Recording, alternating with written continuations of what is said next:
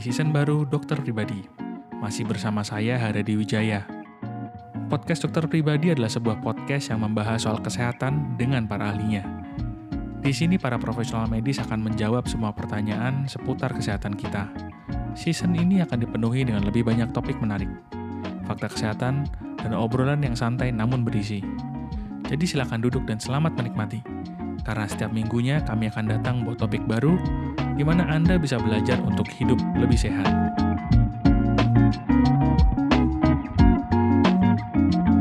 Halo pendengar, selamat datang di podcast Dokter Pribadi kembali bersama saya Haryadi Wijaya. Kopi adalah minuman sejuta umat dari yang tadinya cuma jadi kebutuhan biar melek, sekarang jadi sebuah lifestyle atau gaya hidup. Akan tetapi pro kontra mengenai efek kopi pada kesehatan juga semakin banyak berkembang ternyata. Untuk mengupas lebih dalam mitos-mitos kesehatan seputar kopi, kali ini saya sudah ditemani oleh Dr. Marco Vidor, seorang dokter, kopi aficionado, dan yang ternyata juga seorang podcaster nih. Halo, selamat malam Dr. Marco. Halo malam Mas Haryadi, apa kabar? Kabar baik, kabar baik. Dokter sendiri gimana kabarnya ini? Sehat juga. Mas gimana sehat? Sehat-sehat, di Semarang sehat ini. Wah, thank sudah you. Sudah ngopi hari ini? Oh sudah, sudah dua gelas hari ini. sama. Oke. Okay. Iya iya iya. Ini dok. Um, mungkin perkenalan sedikit buat buat teman-teman pendengar kita karena Dokter Marco Vidor ini juga seorang podcaster teman-teman, podcaster juga mm-hmm. ngobrol soal kesehatan dengan bahasa yang sangat awam juga dan tapi kalau dilihat di konten pribadinya tuh isinya kopi, kopi dan kopi nih. Oke, halo semuanya. Uh, halo nama saya Marco, Marco Vidor. Saya adalah seorang dokter umum yang beberapa bulan terakhir terinspirasi juga dari dokter pribadi podcast nih uh, memulai juga nih sebuah gerakan untuk edukasi kesehatan untuk awam melalui sebuah podcast yang namanya Opname. Bisa ditemukan di Instagram opname.fm.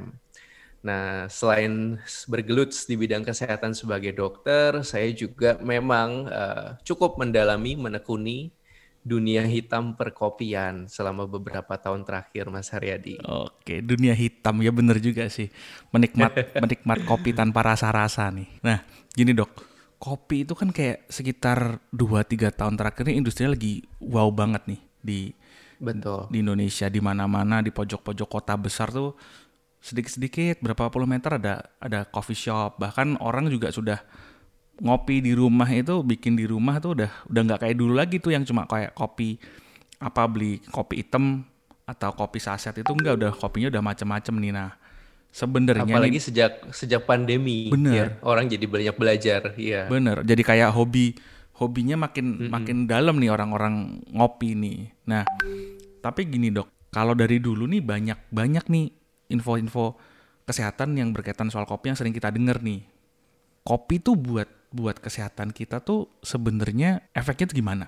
Oke, menarik banget. Memang Mas Haryadi tadi udah opening dengan uh, sangat baik. Kopi itu uh, macam-macam ya, dinilai hmm. orang baik, dinilai orang buruk. Bahkan ada juga sekelompok orang tertentu yang justru sebaliknya nih Mas percaya bahwa ih baik kita kasih sesendok kopi katanya bisa mencegah kejang. Ada juga kan yang kayak gitu ya. Yeah, yeah. Jadi jadi luas banget tuh kalau kita hmm. bicara kopi. Nah, kalau kita mau ngomongin uh, kopi untuk kesehatan, berarti kita harus ngomongin dulu nih substansi atau zat apa sih yang terkandung di dalam kopi. Yeah.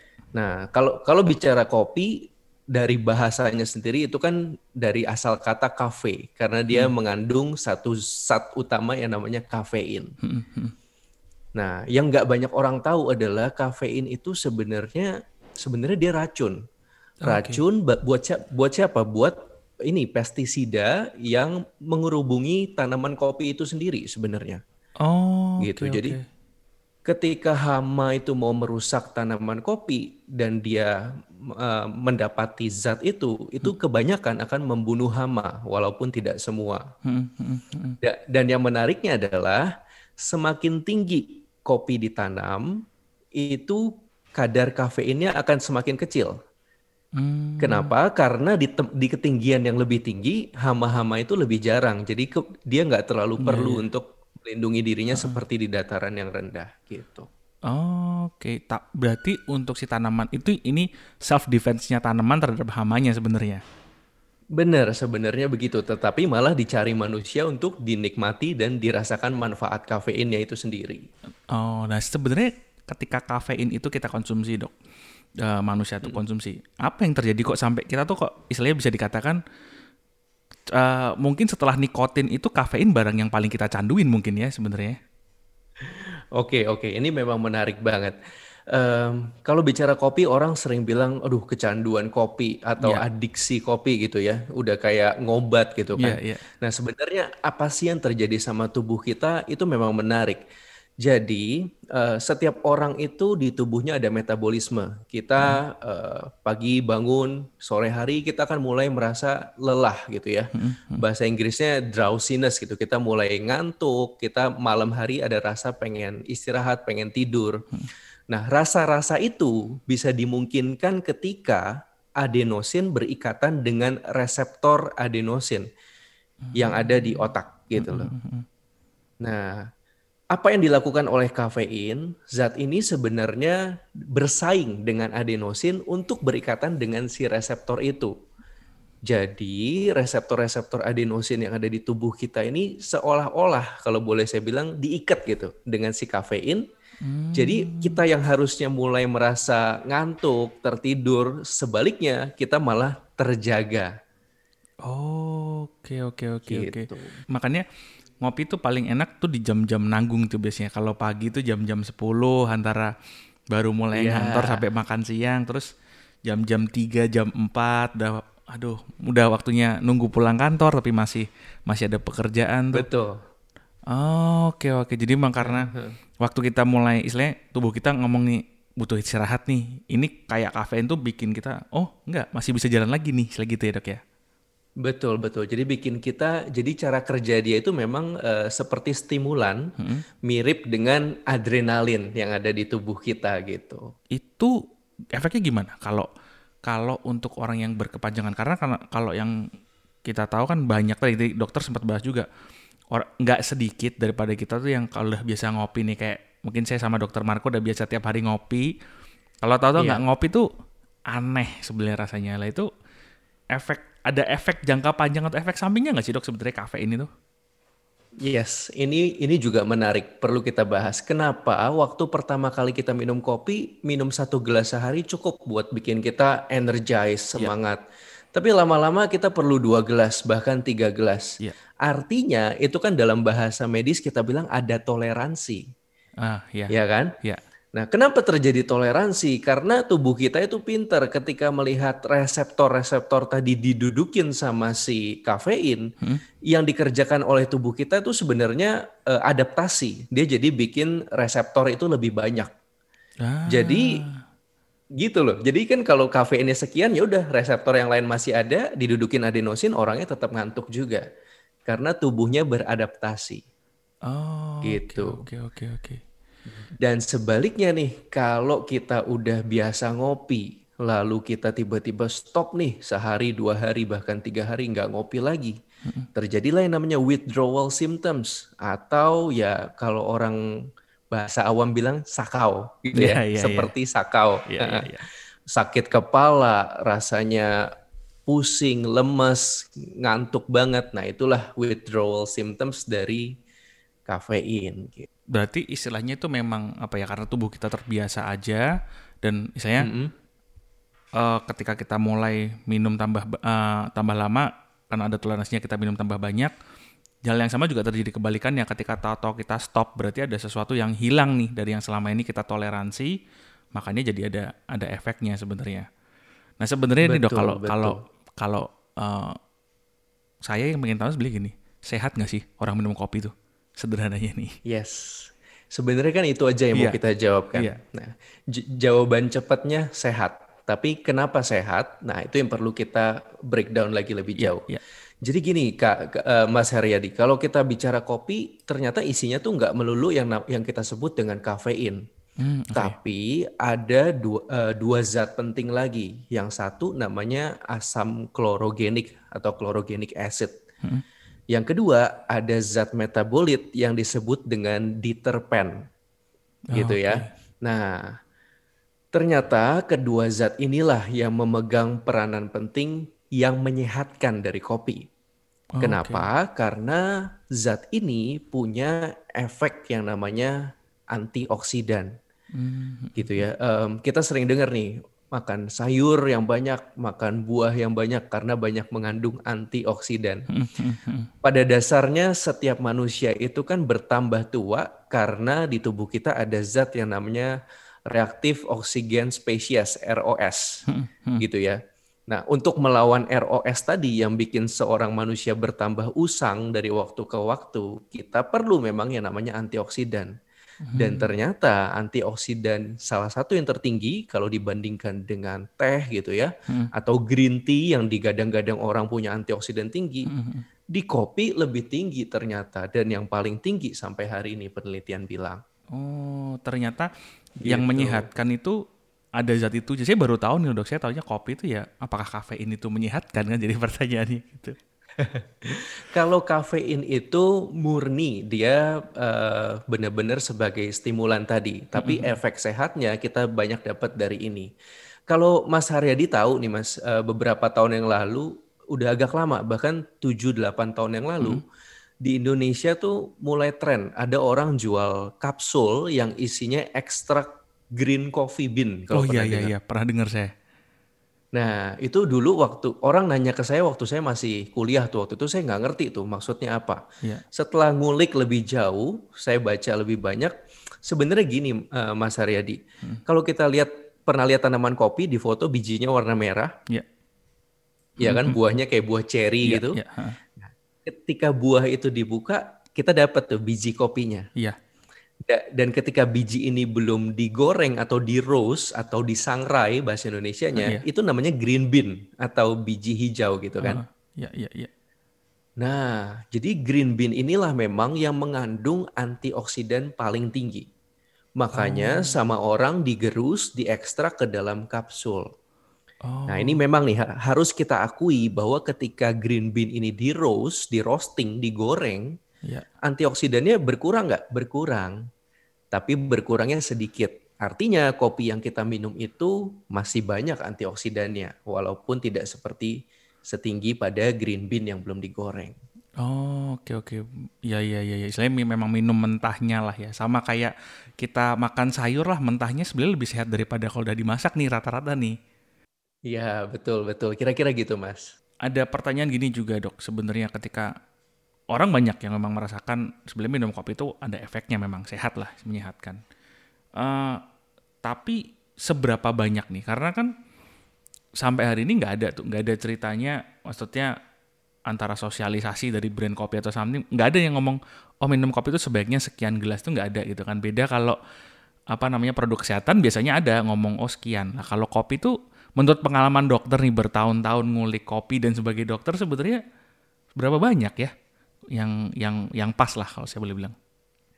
Oke, ini saya akan jawab secara objektif nih Mas Haryadi. Ya. Kalau nanya saya berapa banyak kopi, menurut saya sebanyak-banyaknya saya suka-suka aja. Nah, tapi kan bagaimana sih kata kata ilmiah gitu ya, ya menurut ya, ya. penelitian. Jadi empat tahun yang lalu di tahun 2017 itu ada satu studi kalau di dalam uh, dunia ilmiah kita kenal satu studi yang namanya meta analisis. Hmm.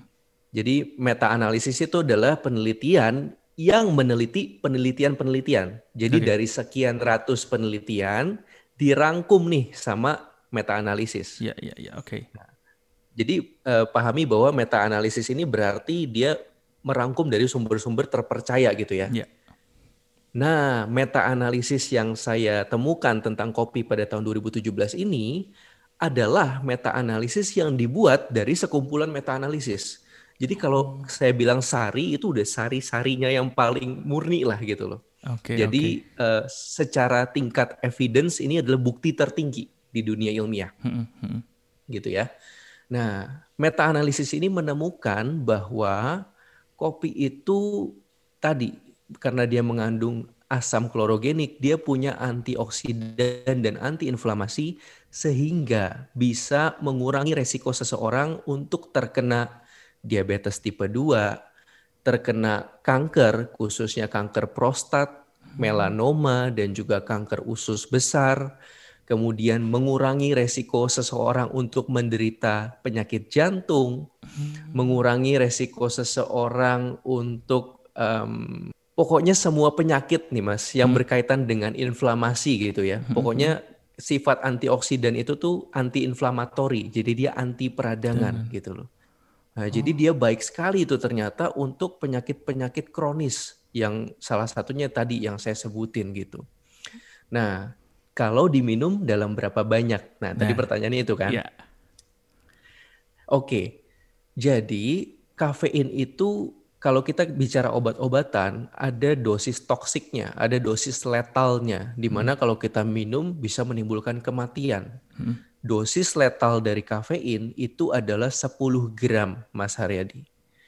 Nah, pahami dulu bahwa satu gelas, satu cangkir kopi yang biasa kita seruput Hmm. itu rata-rata 100 sampai 120 gr- miligram. Oke, oke. 1 Oke, sampai 120 jadi miligram ya. Miligram. Sedangkan dosis toksiknya atau dosis letal itu 10 gram. Artinya butuh 100 cangkir kopi untuk diminum seseorang untuk dia mati gara-gara kopi. Oke. Oke.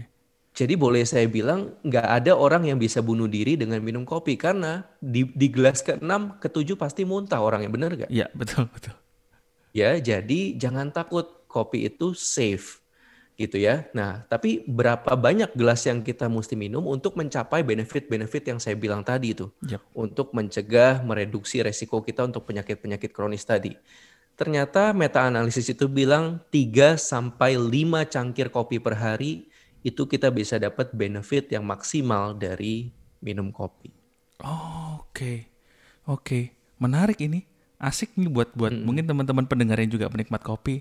Kalau ada yang apa namanya? Kok minum kopi banyak-banyak, kopi ada manfaatnya ternyata dan emang ada bukti Betul, ilmiahnya ternyata. Yes, yes. 3 sampai 5 5 cangkir. Berarti ya saya per cangkir berarti yang berapa mililiter tuh Dok? Berarti yang kira-kira berarti ya 220? Sat- ya, satu cangkir, satu cup itu kalau kita pakai ukuran standar kira-kira 230 ml ya. Oh, oke oke 230 mililiter. Berarti minum 600 mili sampai 1 liter kopi per hari itu aman dan ada benefitnya ternyata gitu ya. Aman dan ada benefitnya, betul. Ya ya ya. Cuman kan balik dok, kopi itu bentuk penyajiannya banyak. Yes, Ya kan? benar. Minum kopi dengan cara yang gimana nih yang yang sehat? Karena mohon maaf nih, yang sekarang lagi trending di Indonesia itu adalah kopi susu dok.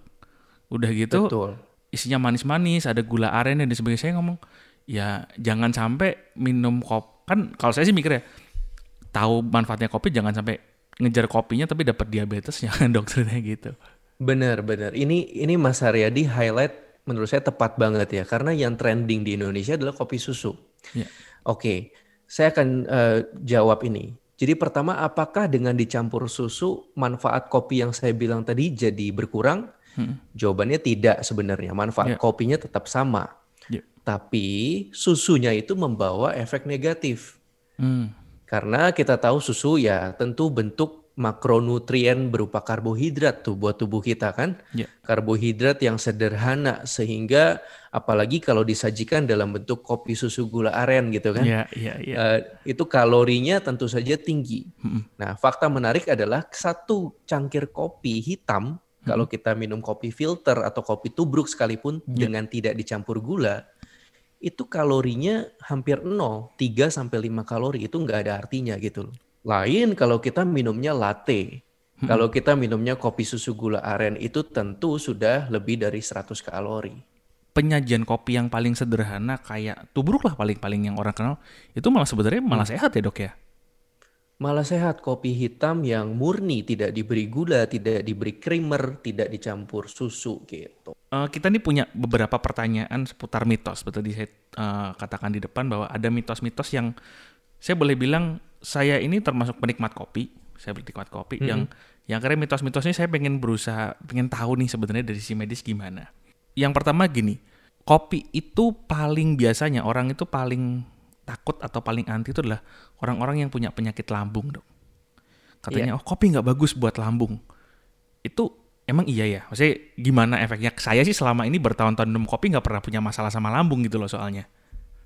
Iya, oke. Kalau boleh saya bilang kopi itu hampir 100% efeknya positif. Kenapa saya bilang hampir? Karena memang kafein itu bisa mencetuskan naiknya asam lambung nih pada sekelompok orang tertentu yang memang tidak bisa mentoleransi kopi. Oke. Okay. Tetapi kebanyakan salah kaprah nih Mas Haryadi. Mm -hmm. Ah ini kopinya Arabica agak ada rasa acidity-nya. Hmm. Ini bikin asam lambung saya naik. Kebanyakan orang bilang gitu. Iya, iya, iya, iya. Ya. Padahal sebenarnya kopi robusta yang rasanya cenderung lebih pahit itu kadar kafeinnya hampir dua kali lipat dari arabica. Artinya lebih menyakitkan lagi buat lambungnya sebenarnya. Oh. Yep, yep, yep. Nah, kalau kita mendalami kopi, kita tahu bahwa biji kopi arabica itu ditanam di ketinggian biasanya di 700 meter ke atas hmm. di atas permukaan laut. Hmm. Sedangkan kalau robusta itu di ketinggian yang lebih rendah dia bisa tumbuh. Nah, tadi saya bilang di awal bahwa semakin tinggi tumbuhan kopi, kadar kafeinnya semakin kecil. Jadi itulah alasan kenapa robusta itu kadar kafeinnya lebih banyak dan hmm. lebih mencetuskan mah sebenarnya. Berarti itu memang ya balik lagi karena kafein itu stimulan berarti ya dok ya. Makanya karena dia uh, zat yang bisa ya tadi um, menginduksi untuk diproduksinya asam lambung berlebih.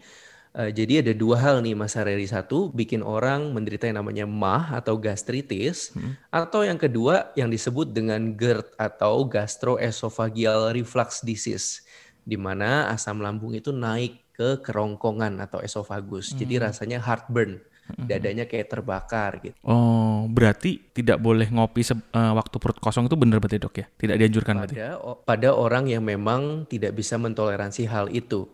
Oh, Nyatanya okay. di lapangan ada juga orang-orang yang bisa aja mengkonsumsi kopi di perut kosong bisa juga gitu. Tapi yeah. kalau memang kamu tahu bahwa eh saya nggak bisa nih, hmm. ya ada baiknya makan dulu gitu.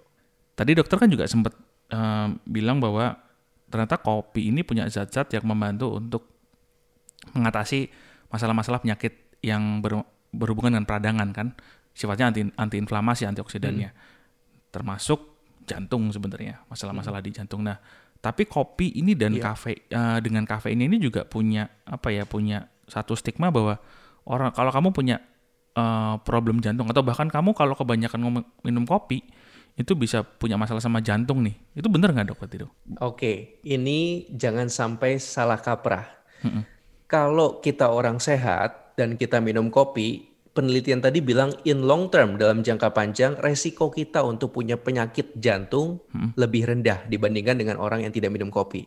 Oh, Oke. Okay. Tapi ada tapinya nih.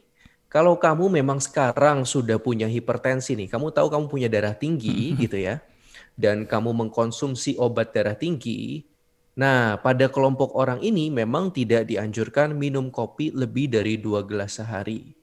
Kenapa hmm. begitu? Bukan berarti kafein bikin hipertensi, tetapi karena satu, ketika kita minum kopi 30 sampai 60 menit sesudahnya, itulah onset di mana kopi bekerja, umumnya akan terjadi lonjakan kecil dari tekanan darah yang sifatnya sementara. Hmm. Dan ada studi juga yang menemukan kalau kita minum obat darah tinggi golongan penghambat kalsium atau amlodipin, contohnya yang orang kenal, hmm. Itu ternyata kopi sedikit banyak mengurangi efektivitas kerja obat itu. Gitu. Notnya tadi buat yang sehat malah benar mencegah Anda untuk uh, terkena penyakit masalah dengan jantung. Tapi kalau sudah punya masalah dengan jantung dan pembuluh darah, terutama hipertensi, ya memang harus hati-hati karena ini adalah stimulan istilahnya kayak gitu dok ya. Iya, batasannya dua cangkir per hari masih aman lah. Cangkirnya 230 mili ya teman-teman ya, bukan yang cangkir yang satu li, bukan satu cangkir setengah liter juga. Oh iya, iya betul.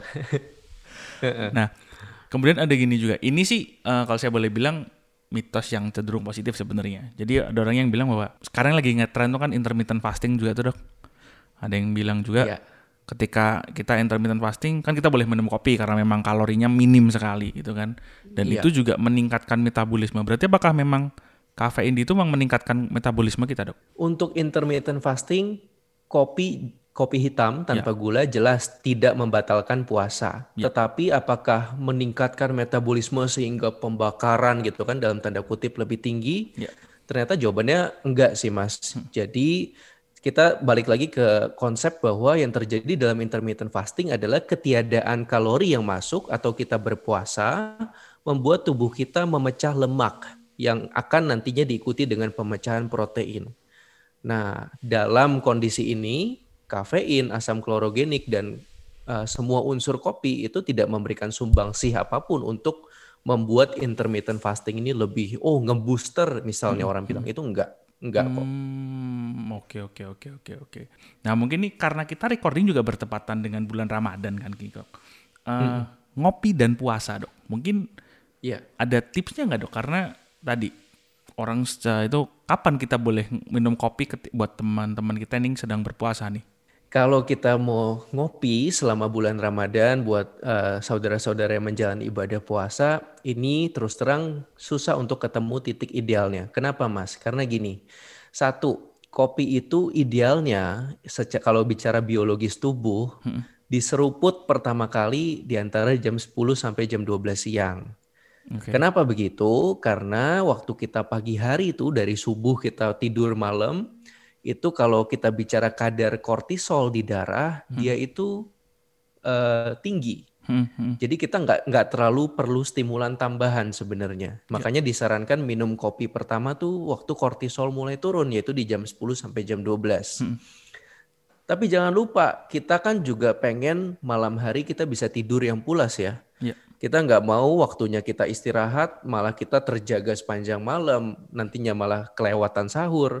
Jadi minum kopi juga, minum kopi itu disarankan maksimal 6 jam deh sebelum jam tidur kamu gitu loh. Hmm, hmm, hmm. ya jadi kalau kita biasa tidur jam 11 malam misalnya, berarti gelas kopi terakhir tuh harus jam 5 sore. Ah. Nah, agak susah kan ya, buat ya, teman-teman yang menjalani ibadah puasa. Nah, kalau memang perlu banget ngopi, ya berarti menurut saya paling ideal ya sesudah buka puasa atau kalau kamu mau di pagi sesudah sahur untuk meningkatkan energi sepanjang hari puasa silakan juga boleh-boleh aja sih. Oh, gitu. Oke okay. ya bener-bener sih karena kalau minum kopinya pas setelah maghrib yang ada nggak bisa tidur bener tarawihnya hmm. melek tapi habis itu nggak bisa tidur juga. Betul. Kalau orang yang masih sensitif ya, ya kalau ya. yang udah toleran sih biasanya tidur tidur aja. Iya iya. Mungkin gini dok, ada nggak apa eh, hal-hal uh, yang pengen disampaikan yang saya belum sempet tanya nih dari tadi nih dari sepanjang perbincangan kita tadi nih. Mungkin yang perlu diingat aja tadi idealnya minum 3 sampai 5 cangkir per hari atau kalau saya konversikan ke miligram kafeinnya itu berarti 200 sampai 400 miligram. Hmm. Dan bagaimana kita menyajikan kopi kita itu berpengaruh terhadap kadar kafein. Saya ambil contoh nih Mas Haryadi, satu shot espresso itu kafeinnya kira-kira 40 mg. Oh, Oke. Okay. Oke. Okay. Ya, kalau kita minum kopi filter, kopi filter buat teman-teman yang uh, belum familiar, yaitu kita tuang air, airnya ngelewatin kopi, yang kita dapat airnya doang, jadi nggak ada serbuk-serbuk kopinya lagi kan? Yeah. Nah, kopi filter itu satu cangkirnya kira-kira 80 sampai 100 miligram. Hmm, okay. Jangan jangan dibilang oh berarti kopi filter kadar kafeinnya lebih tinggi. Ya kita nggak bisa bandingin begitu karena kan volumenya jauh lebih banyak kan. Yeah, yeah. Nah lain lagi sama tubruk nih. Hmm. Nah bayangin Mas Haryadi kalau kita bikin kopi kita tubruk itu kan boleh kita bilang kopinya terendam ya selama beberapa menit. Iya, yeah, iya. Yeah. Bah bahkan sampai kita minum gitu bisa yeah. terendam 10 sampai 15 menit. Artinya waktu kontak antara air dan serbuk kopi itu paling lama nih pada kopi tubruk. Hmm, hmm. Nah, artinya ekstraksi yang terjadi dari serbuk kopi itu akan maksimal. Jadi cang satu cangkir kopi tubruk kadar kafeinnya pasti lebih tinggi dari satu cangkir kopi filter. Hmm. Yaitu bisa sampai 150 mg biasanya umumnya gitu. Ya culture-nya orang Indonesia tubruk sih dok biasanya. Betul. Dan culture-nya masih minum uh, robusta ya. Oh ya satu lagi mas, mumpung saya ingat. Um, kalau kita minum kopi, dari tadi kita udah bahas ada antioksidannya, dia bisa mengurangi resiko kanker dan resiko penyakit-penyakit lainnya. Tapi ingat, benefit itu bisa kita dapat maksimal pada kopi yang light roast, artinya yang digoreng dengan tidak terlalu gosong, gitu ya. Hmm. Kalau kita pergi ke mall uh, di chain kopi terbesar di Indonesia yang ijo-ijo itu yeah. gitu ya. Itu kan kalau kita lihat uh, cenderung biji kopinya gelap banget ya, yeah, warnanya yeah. hitam. Yeah, yeah. itulah dalam istilah kopi kita bilang itu dark roast, jadi digoreng gelap. Nah, pada kopi-kopi yang digoreng terlalu gelap, kadar oksi antioksidannya sudah terlalu rendah, jadi kita nggak dapat benefit maksimalnya. Hmm. Jadi itulah kenapa alasan selain rasanya yang lebih enak, selalu pilih light roast. Oh, oke oke, bener bener bener dan mungkin pesan sponsor dari kita yang pencinta kopi nih teman-teman mungkin yang selama ini nyoba kopinya hitam-hitam coba deh yang agak terang-terang tuh jadi ngerti kopi tuh rasanya bukan cuma pahit loh ternyata Bener, kalau nyeduhnya bener. Iya iya iya. Kalau mau tanya nyeduh bener mungkin bisa bisa ke apa akunnya Dokter Marco Vidor. Suka ba suka bagi-bagi tips juga tuh biasanya Dokter Marco nih. Iya iya. Itu sebenarnya berawal dari iseng-iseng, terus ya ngulik baca buku, jadi ya gitulah Mas jadi tertarik. Iya iya iya iya. iya. Oke oke. Mungkin kira-kira begitu Dokter Marco. Uh, mm -mm. Thank you banget buat buat sharingnya, saya mencerahkan nih buat kita kita ini. Jadi mungkin buat teman-teman di sana pencinta kopi yang butuh menjawab uh, soal kesehatan, bagaimana kopi itu mitos-mitosnya udah terjawab. Buat teman-teman mungkin juga yang takut minum kopi, sekarang tahu kok kopi itu ternyata ada efek baiknya. Gimana minum kopi yang benar istilahnya, yes. yang sehat. Jadi mungkin bisa join juga ke kita kita yang sudah terlanjur jatuh cinta sama kopi nih ya dok ya. Akhir kata, mari kita belajar mencintai kopi lebih dalam lagi ya, Mas ya. Iya, benar-benar. Apalagi kalau mungkin uh, saya Indonesia ini kita surga banget lah. Negara kita Betul. tuh tempat di mana bikin kita punya kopi enak dari Sabang sampai Merauke. Orang tuh iri sebenarnya dengan bisa dapat kopi enak kayak di Indonesia. Makanya ayo kita mengapresiasi itu.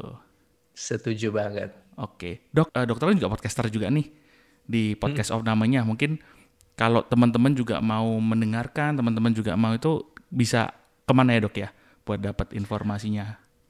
Teman-teman bisa ke Instagram at opname.fm atau kalau teman-teman suka dengar musik di Spotify atau Apple Podcast bisa langsung ketik opname O B N A M E itu adalah singkatan dari obrolan awam seputar medis. Atau kalau teman-teman yang main TikTok boleh nih dibuka uh, ID saya Dokter Kopi. Di situ juga saya banyak ngobrol soal kesehatan. Oke, sekali lagi terima kasih Dokter Marco, terima kasih untuk sharingnya, terima kasih untuk waktunya. Terima kasih Mas Haryadi dan Dokter Pribadi Podcast. Thank you kesempatannya. Thank you, thank you. Sehat terus, sukses terus. Sampai ketemu di sesi-sesi selanjutnya. Sampai jumpa. Salam sehat. Salam sehat. Thank you. Terima kasih untuk sudah mendengarkan sesi ini. Jika Anda menyukai podcast ini, silakan follow di Spotify ataupun Apple Podcast. Dan jangan lupa followkan sosial media kami untuk info-info kesehatan yang kami share setiap harinya. Untuk Instagram, kami ada di @dokter.pribadi.official dan untuk Twitter, kami ada di @dokterpodcast. Sampai bertemu di sesi-sesi selanjutnya.